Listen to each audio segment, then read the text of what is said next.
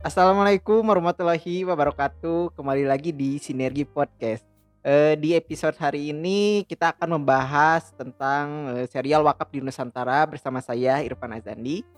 Eh, di episode sebelumnya dibahas sedikit ya. Jadi kita sudah membahas bagaimana wakaf berperan dalam proses Islamisasi di Nusantara. Dimulai dari masuknya Islam di abad ke-7 yang dibesarkan oleh jaringan ulama di Nusantara. Nah, dari beberapa literatur juga menyebutkan wakaf pertama yang ada di Nusantara adalah wakaf masjid, di mana masjid itulah yang kemudian menjadi tempat berkumpulnya para ulama Nusantara untuk menyusun strategi dakwah di beberapa wilayah di Nusantara. Nah, itu rekap pembahasan kita di episode sebelumnya ya, sahabat. Di episode hari ini kita akan membahas tentang wakaf di era kerajaan Islam. Gitu. Eh, seperti apa pembahasannya? Langsung aja di sini kita sapa. Kita masih bersama dengan Kang Rizky ya. Assalamualaikum Kang Rizky. Waalaikumsalam warahmatullahi wabarakatuh. Gimana kabarnya Kang? Alhamdulillah. baik. Alhamdulillah ya. Oke baik. Eh mungkin langsung saja ya Kang, nggak usah nunggu lama-lama lagi. Saya persilahkan untuk Kang Rizky bisa memapa- memaparkan materinya Kang. Silakan Kang. Ya, eh, terima kasih Eh, Ya. Assalamualaikum warahmatullahi wabarakatuh. Waalaikumsalam warahmatullahi wabarakatuh. Alhamdulillahirrahmanirrahim kita bisa bertemu lagi ya teman-teman membahas tentang eh, serial sejarah wakaf di Nusantara ya seperti apa. Dan tadi sempat disinggung bahwa eh, episode sebelumnya kita sempat berbincang tentang wakaf di era Islamisasi Nusantara ya di mulai penyebaran Islam di awal eh, abad Abad ke- ketujuh ya Kang. Ke-7 ya di abad ke-7 hingga abad ke-13 mungkin ya Ya. dan Islam secara bertahap masuk ke Nusantara hingga muncul nanti kerajaan-kerajaan Islam ya. Salah satunya yang pertama di ujung eh, Sumatera ya, kerajaan eh, Daulah As-Solihiyah atau eh, Samudra Pasai ya didirikan Sultan Malik As-Solih yang ditemukan eh, makamnya tahun 1290-an ya. Jadi terbayang sekitar 800 tahun lalu sudah ada kerajaan besar eh, di Sumatera ya. Dan itu kerajaan sangat besar ya. Seperti dicatat oleh eh, Ibnu Batutah ya, seorang traveler muslim yang datang ke Nusantara di tahun 1300-an datang ke sana melihat eh, bagaimana kebesaran eh, sebuah kerajaan ya atau kesultanan di Nusantara itu Samudra Pasai tadi bertemu Sultan eh, Malik Az-Zohir di sana dan melihat praktek-praktek eh, peribadatan termasuk praktek filantropi Islam gitu ya. Jadi memang eh, seperti kita singgung ya sedikit ya di dalam beberapa historiografi tradisional seperti babat tanah Sunda, babat Cirebon itu disebutkan misalkan zakat ya. Salah satunya disebutkan sebagai salah satu ajaran yang diajarkan untuk membayar zakat ya. Jadi zakat itu sebagai rukun Islam itu diajarkan dan wakaf seperti apa gitu ya. Nah tentu saja wakaf eh, juga dilakukan sesuai dengan eh, ketika Islam masuk ke Nusantara yang kita bahas kemarin itu masjid gitu ya. Nah masjid apa saja sih yang wakaf gitu dan seperti apa sih polanya gitu. Jadi sampai sekarang masjid-masjid wakaf itu masih ada rupanya ya. Sebagian itu masih eksis yang usianya mungkin sudah lebih dari 600 tahun ya.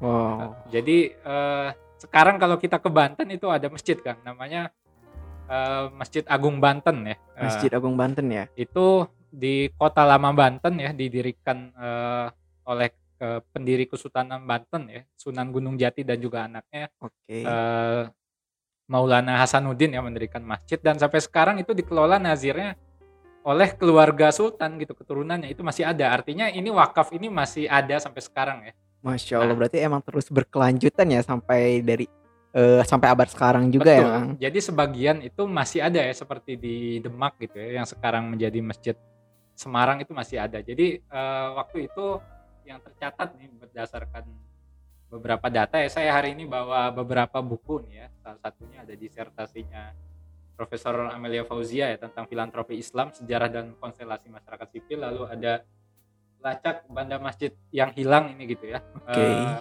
tentang masjid di Demak ya. Tadi kita singgung ternyata eh, Demak pun itu wakaf gitu ya, masjid di Demak. Nah, yang menariknya wakafnya itu tidak hanya masjid ya. Jadi kalau kita lihat di sini eh, data-datanya gitu ya.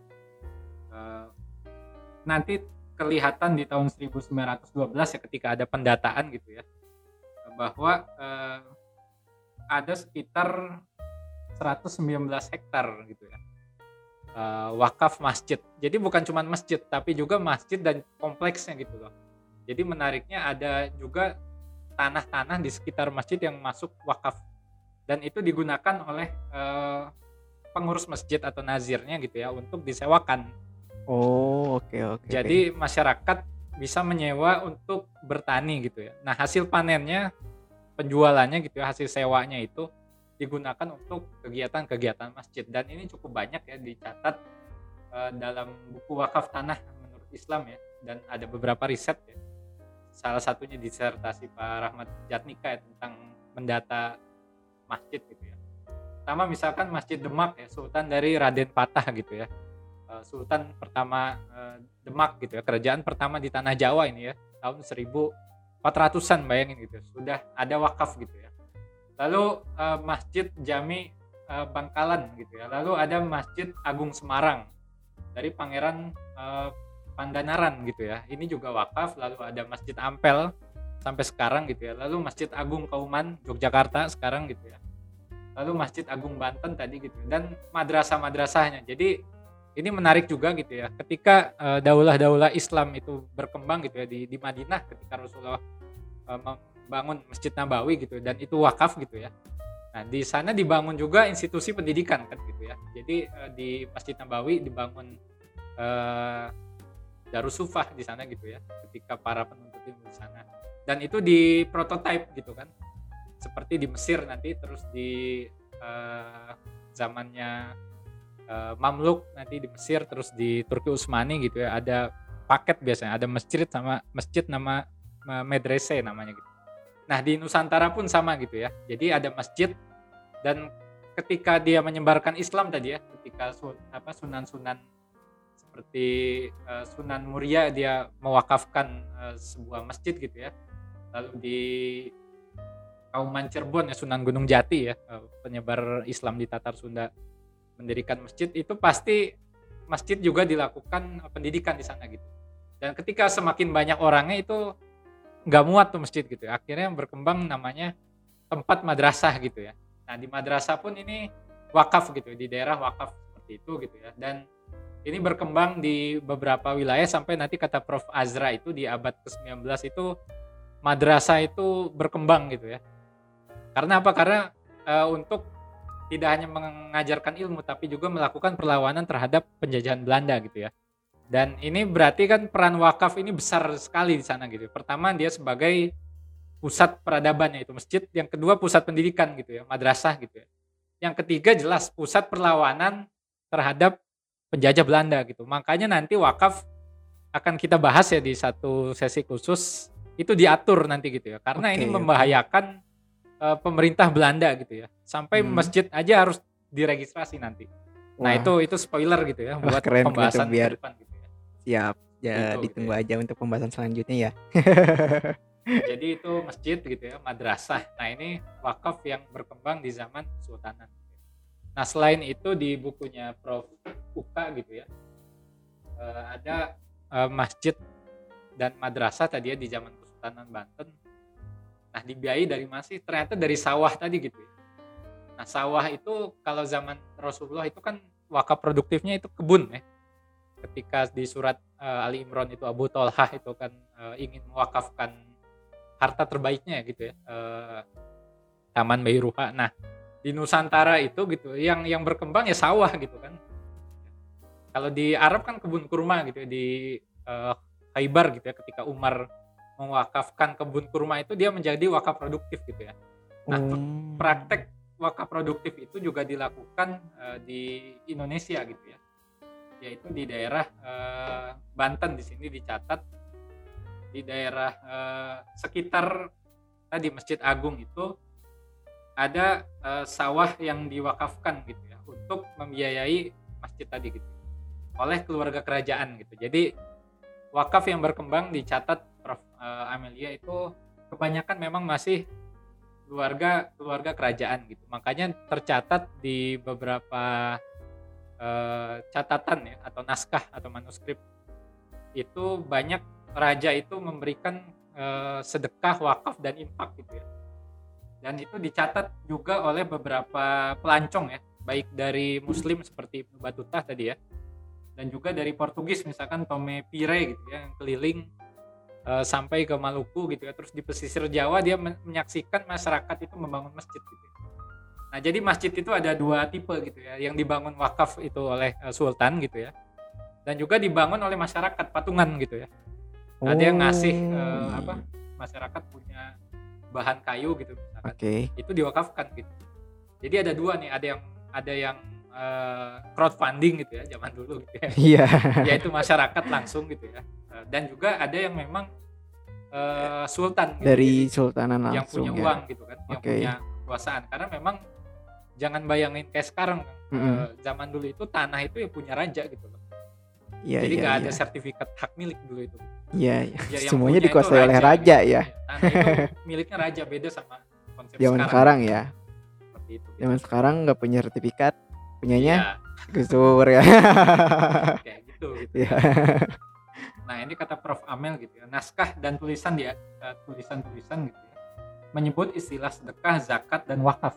Jadi disebutkan dalam naskah-naskah gitu ya. Seperti misalkan Bustanus Salatin, eh, taman eh, para sultan gitu. Terus ada Tajus Salatin. Tajus Salatin itu mahkota para sultan, para raja gitu ya. Disebutkan di Tajus Salatin misalkan untuk eh, memberikan eh, sedekah gitu. Dan salah satu bentuk sedekah itu kan wakaf gitu ya Iya, betul. seperti itu gitu ya. Jadi disebutkan untuk mencintai orang-orang miskin, anak yatim, menghindari keserakahan dan berbuat adil. Nah, itu disebutkan di kitab eh, Tajus Salatin gitu ya. Nah, itu terkait eh, di zaman kerajaan Islam gitu ya. Lalu eh, terkait masjid tadi banyak dibangun beriringan dengan proses islamisasi gitu ya. Jadi Islam itu ketika ada kerajaan itu mayoritas masyarakat masih belum Islam gitu. Makanya perlu namanya proses eh, islamisasi atau dakwah. Dan masjid itu memiliki peran sentral, lalu ada madrasah gitu ya. Dan para ulama gitu mendirikan banyak masjid gitu ya di Pati, di Kudus, Jepara, Cirebon, Banten gitu ya. Jadi kalau Kang Irfan sempat jalan-jalan dari Aceh sampai ke Papua itu Islam sudah ada gitu ya. Waduh, masya Allah. Nah. Tapi saat ini belum kesampaian sih. Pengen Belum juga jalan-jalan sampai dari Sabang sampai Merauke ya. Nah, itu. Jadi itu menarik. Itu ada setiap eh, daerah itu ada daulah-daulah Islam, sultanah Islam gitu ya. Ternate gitu ya, terus di Fak-Fak gitu ya. Seperti di Papua lah di Raja Ampat itu kan kesultanan Islam gitu ya. Dan Iya. itu jauh lebih tua daripada Kristen masuk ke Irian Jaya gitu. ya. Hmm. Jadi bahkan ada kepercayaan masyarakat bahwa Islam di sana itu su- sudah ada semenjak eh, Papua diciptakan gitu, sampai mengakarnya Islam di sana gitu ya. Dan itu tradisi wakaf itu terjadi ya, dicatat eh, dan ada risetnya ya di disertasinya Rahmat Jatnika di Jawa Timur gitu ya. Nah dia mencatat eh, masjid gitu ya, wakaf pa- pada abad ke-17 gitu. Nah, yang menarik zaman dulu itu wakaf itu menurut Terhar ya orang Belanda itu wakaf itu sudah menjadi semacam adat akhirnya karena udah biasa gitu ya. Jadi eh, nggak dicatatkan gitu loh, nggak kayak sekarang gitu ya. Yang mulai dicatetin tuh ada ikrar wakafnya gitu. Zaman dulu itu wakaf ya langsung ngomong aja gitu ya. Iya, iya, iya. Makanya catatannya menurut Prof Amelia itu agak sulit gitu ya melacaknya Hmm. gitu ya karena sudah eh, menjadi bagian adat masyarakat gitu ya. Ini menarik sekali gitu ya wakaf itu. Gitu. Jadi ketika membangun masjid masyarakat dia udah ngeh itu wakaf sebetulnya Iya. gitu. Oke, Ya, oke, jadi oke, ngerti. Udah dimaksud masyarakat itu wakaf walaupun misalkan nggak ada tuh dokumen wakafnya gitu loh. Gak ada datanya ya, ada jadi nggak. gitu ya. Ah, Oke, siap. Jadi itu eh, tradisi lisan kita tahu. Hmm. Lalu di buku eh, yang diterbitkan Kemenak sendiri menyatakan bahwa Indonesia kan mayoritas mazhab Syafi'i gitu ya. Nah, dalam mazhab Syafi'i itu ikrar wakaf itu eh, bisa diucapkan secara lisan saja gitu ya. Jadi sudah sah itu. Jadi kalau kita ngomong saya mau wakaf gitu ya. Udah itu di- udah dihitung wakaf gitu ya. Kalau sekarang eh, administrasinya lebih rapih ya. Dan Iya, itu iya, akan iya. kita bahas nanti gitu ya. eh, bagaimana administrasi itu di eh, lebih rapi ya. sekarang ya. di era eh, modernisasi pengelolaan wakaf gitu di Oke. awal abad ke-20 mungkin nanti beberapa episode ke depan gitu ya. Nah, uh, itu tentang masjid gitu ya uh, terkait penelitian tentang masjid ya di Jawa Timur yang dilakukan oleh Rahmat Jatnika nih tercatat ya bahwa pada abad ke-16 ada enam wakaf yang terdokumentasi di Jawa Timur. Artinya ini sedikit sekali ya wakaf yang uh, tercatat dan didokumentasikan ada catatannya gitu ya. Lima di antaranya adalah masjid gitu ya, disertai uh, pemakaman. Jadi masjid dan pemakaman berarti ya uh, yang ada gitu ya di Nusantara.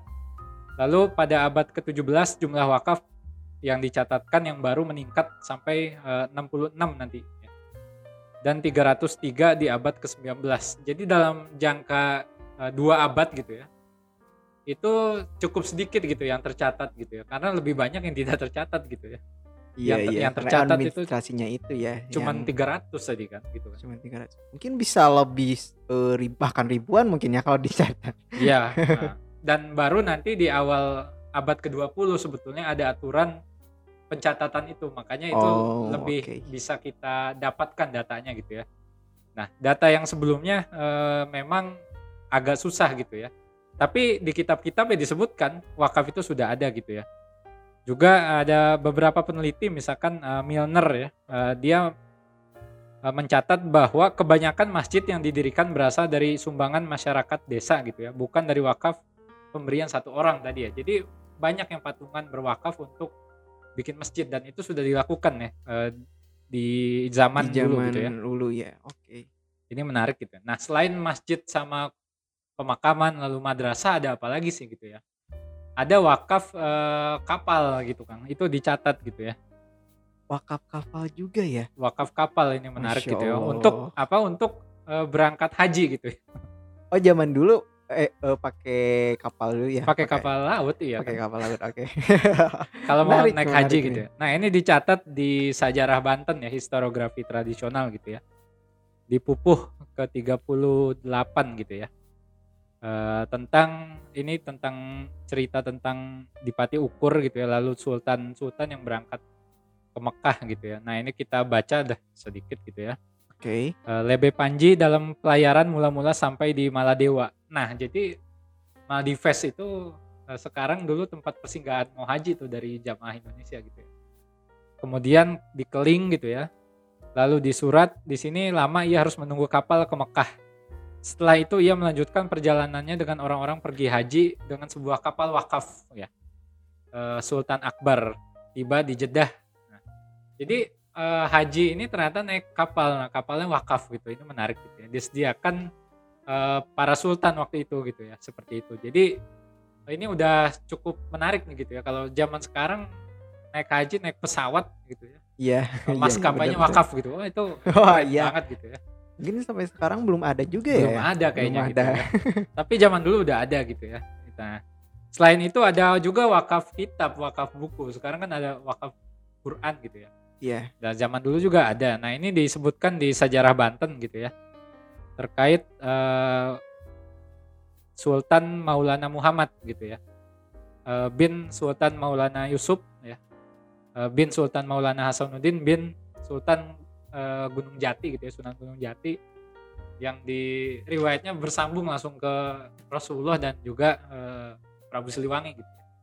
Jadi Sunan Gunung Jati itu eh, cucunya Prabu Siliwangi gitu ya dari ibunya gitu ya dari bapaknya ke Rasulullah gitu. Nah ini pendiri kerajaan Banten gitu ya dan disebutkan sini Maulana Yusuf gitu ya meninggal pada usia 80 tahun dan digantikan oleh anaknya Maulana Muhammad gitu ya. Nah Maulana Muhammad ini di tahun 1580-an ya itu sezaman dengan Daulah Turki Utsmani eh, Sultan Murad ketiga ya dan sini sebutkan sang, sang anak tidak mengadakan perubahan dalam peraturan bapaknya. Nah, bapaknya ini Sultan Maulana Yusuf dan juga kakeknya Maulana Hasanuddin gitu ya. Itu membangun banyak eh, wa- wakaf juga gitu ya, termasuk tadi wakaf sawah, lalu ada irigasi gitu ya. Disebutkan di bukunya Prof Amelia itu wakaf irigasi juga salah satu yang dilakukan ya di awal-awal eh, kesultanan gitu ya.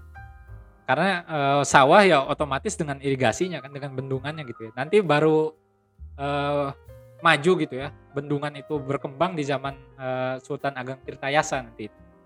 Yang gelarnya Tirtayasa gitu ya. eh, banyak air di sana gitu ya dengan eh, teknologi irigasinya gitu. Nah, Maulana Muhammad, Maulana Yusuf juga eh, melakukan wakaf ya. Nah, kenapa bisa nanti ini kita baca dulu sang anak tidak mengadakan perubahan ya dalam peraturan bapaknya diusahakan pula kepentingan-kepentingan agama gitu. Banyak kitab yang dibuatnya menjadi wakaf. Nah, ini menarik gitu. Jadi kitab zaman dulu yang nggak kayak sekarang juga ya, ditulis gitu ya. Dan itu diwakafkan gitu kitab itu gitu. Masya Allah. Jadi itu kitab-kitab itu diwakafkan, bahkan kitab Tajusa Latin itu tadi yang ditulis eh, Imam Al Bukhari Al Jauhari ya tahun 1600 itu disebar di kalangan para sultan, termasuk Iya, iya. di di Mataram nanti dan juga di eh, Yogyakarta gitu ya disebutkan Sultan Hamengkubuwono pertama itu dia membaca ya, kitab tentang tadi eh, nasihat-nasihat supaya rajin bersedekah gitu ya dan, dan Oke. sebagainya gitu dan termasuk di sini gitu ya kitab yang dibuatkan menjadi wakaf ya jadi di- beliau ngaji kitab gitu ya buku-buku ini wakaf ternyata. Jadi ini menarik ya di zamannya Sultan eh, Maulana Muhammad ya eh, Sultan Kesultanan Banten gitu ya. Dan buku ini wakaf gitu ya. Jadi eh, nah ini dari mana sih dia bisa eh, ada wakaf buku ini sih gitu ya? Pertanyaannya kayak gitu ya infonya dari mana gitu ya? Nah ternyata menurut Prof. Amelia gitu ya disebutkan ada kemungkinan besar gitu ya eh daulah ini saling berhubungan. Jadi tadi kan berangkat haji ya? Iya. nah itu eh, ketemu sama eh, Turki Utsmani gitu ya. Jadi khilafah Turki Utsmani itu di tahun 1500-an sudah eksis gitu ya. Dan Turki Utsmani salah satu negara yang wakafnya paling berkembang gitu ya. Jadi wakaf cash itu ada zaman Turki Utsmani gitu eh, patungan uang itu. Lalu ada wakaf eh, sabil ya di zamannya Mamluk di zaman Turki Utsmani pengairan pun ada gitu ya lalu eh, ada imaret imaret ini makan gratis gitu ya warga yang nggak mampu itu bisa ke dapur umum imaret itu dapur umum di masjid ya di sekitar masjid nah itu bisa makan ke sana lalu ada wakaf Oh. eh, pemandian ya. Pemandian itu berbayar gitu ya. Dan itu hasil wakafnya untuk membiayai pendidikan di sana termasuk buku-buku ini gitu ya. Nah, diduga ini karena kontak dengan dunia internasional gitu ya. Oke. Eh, maka wakaf-wakaf kayak kapal terus buku gitu itu ditiru juga gitu di eh, Nusantara seperti itu gitu ya. Jadi menarik tadi ada wakaf masjid berarti terus Iya. ada eh, pemakaman Oke. apalagi tadi eh, madrasah gitu ya terus ada kapal ada buku irigasi gitu ya dan juga nanti berkembang gitu ya dan seiring zaman nanti ya kesultanan semakin besar dan kontak di dunia internasional terjadi gitu maka eh, akan ada wakaf kita ya orang Indonesia itu tidak hanya di Nusantara tapi juga di Mekah nanti gitu dan ini eh, sangat menarik gitu ya eh, seperti itu gitu ya Nah, eh, kalau masjid ini cukup banyak gitu ya eh, wakafnya gitu ya. Ini saya bacakan salah satu ikrar wakaf yang dibacakan di abad ke-19 ya di tahun 1800-an ya. Oke. Yaitu eh, surat eh, wakaf seorang ulama besar di Palembang gitu ya. Eh, namanya itu eh, Syekh Abdul Hamid Al-Maskur gitu ya. Dan Syekh Abdul Karim dan eh, Syekh Abdul Hamid tadi gitu ya. Jadi ikrar wakafnya sama mirip-mirip seperti sekarang tapi cukup detail gitu ya. Misalkan ini kepada hari Ahad tanggal 6 Syawal 1310 Hijriah. Sekarang 1400 gitu ya. Jadi ini lebih dari 100 tahun lalu ya, 130 tahun lalu gitu ya. Eh, disebutkan di sini misalkan kemudian berikrarlah ya eh, oleh Syekh Abdul Hamid Al-Maskur adapun milik yaitu dua masjid di negeri Palembang, satu masjid di kampung Karangberahi, Muara Ogan, dan satu lagi masjid di kampung Lima Ilir, Lawang Kidul, serta Perkakas ya.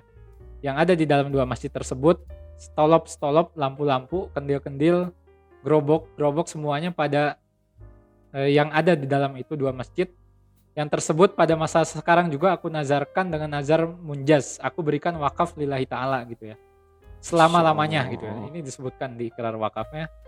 Tempat orang berbuat ibadah dan sembahyang tidak harus lagi ahli warisku buat jual. Jadi nggak boleh dijual nih katanya gitu. Ya, ya. Atau gadaikan gitu ya. Hmm. Atau dibagi waris. Aku tidak ridho dunia akhirat gitu ya. Jadi ini disebutkan gitu ya. eh, ikrar wakaf masjid seperti itu gitu ya. Nah itu sebagai contoh eh, wakaf-wakaf di Kesultanan Nusantara gitu ya. Mhm. Nah untuk eh, pembahasan selanjutnya mungkin di episode selanjutnya tadi ya. Jadi tidak hanya di Nusantara tapi juga eh, dilakukan di Jazirah Arab gitu ya. Ada dokumennya orang Aceh wakaf di Mekah gitu ya. Oke. Orang Kesultanan eh, Bima ya di NTB sekarang wakaf di daerah eh, Hijaz gitu. Itu ada gitu. Dan Sultan eh, Yogyakarta pertama pun punya eh, wakaf di sana gitu. Dan ini kita bahas di next episode ya insya Allah. Mungkin eh, itu saja ya mungkin untuk pertemuan hari ini. Terima kasih. Assalamualaikum warahmatullahi wabarakatuh. Masya Allah, terima kasih Kang Rizky atas eh, paparannya. Mungkinnya sangat bermanfaat sekali buat pengetahuan-pengetahuan kita, buat para sahabat juga. Eh, mungkin dari ditarik dari kesimpulannya dari awal masuk ke Nusantara itu daerah Banten ya Kang. Eh, wakaf mm, eh, dikenalkan berupa wakaf masjid, terus berkembang menjadi eh, wakaf produktif mungkinnya di salah satu di masjid itu yang me- di tanah wakafnya itu dibuat eh, pertanian sehingga dari hasil pertanian itu bisa dijadikan dana wakaf juga. Nah, eh selanjutnya juga terus berkembang di Nusantara sehingga eh, ada wakaf kapal ya kan, ah, wakaf pemakaman, air dan lain sebagainya, masya Allah. Jadi eh perkembangan wakaf itu dari dulu juga udah sangat-sangat eh pesat ya. Jadi mm, buat sahabat yang mau tahu kelanjutannya di episode selanjutnya kita akan bahas lebih lanjut lagi terkait eh, wakaf di Nusantara dan di dunia juga. Mungkin cukup segitu untuk pembahasan eh, kali ini di Sinergi Podcast. Untuk selanjutnya jangan lupa nanti dengerin dan tonton juga ya Sinergi Podcast.